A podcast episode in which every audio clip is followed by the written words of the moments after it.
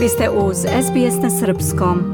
Ambasada Australije u Srbiji u saradnji sa Kulturnim centrom Beograda organizovala je u svečanoj dvorani ovog centra trodnevnu manifestaciju Dani australijskog filma koja je počela u petak, a završila se juče.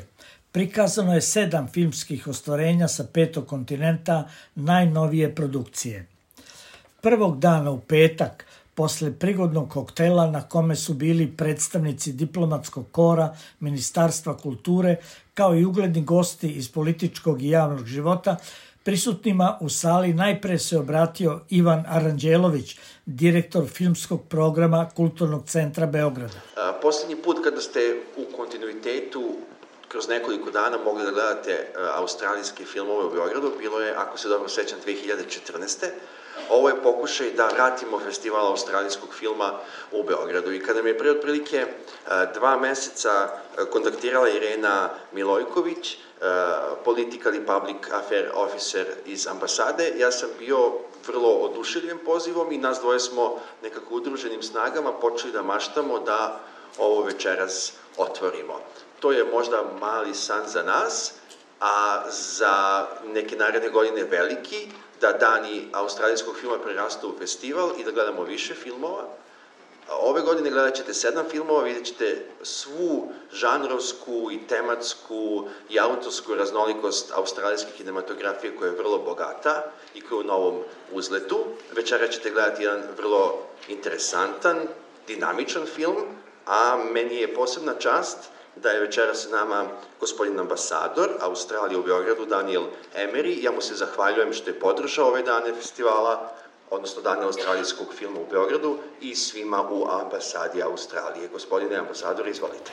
Ambasador Australije u Srbiji, njegova ekscelencija Daniel Emery, otvorio je festival. Australians, like Serbians, are huge fans of cinema. And Australia has enjoyed a vibrant and successful film industry for many decades. Australijanci kao i Srbi veoma vole da idu u bioskop, a Australija već nekoliko decenija ima veoma bogatu i raznovrsnu filmsku industriju. Australia stands as, as one of the most multicultural nations in the world, and the diversity of our cultural traditions is reflected in the films that we make. Our films also reveal something of Australia's unique nature and landscapes. Australija predstavlja jednu od zemalja sa najvećom multikulturalnošću u svetu, a različitost naše kulture, kulturne tradicije možete vidjeti u našim filmovima. U australijskim filmovima možete vidjeti i jedinstvenu australijsku prirodu i predele. I hope that audiences will find the films that we've selected for this event both uh, informative and entertaining. They should provide a better understanding of everyday life in Australia of the things we care about, our arts, our families and relationships. Nadam se da će filmovi koje smo ovog puta odabrali za prikazivanje biti podjednako zanimljivi i informativni ovdašnjoj publici.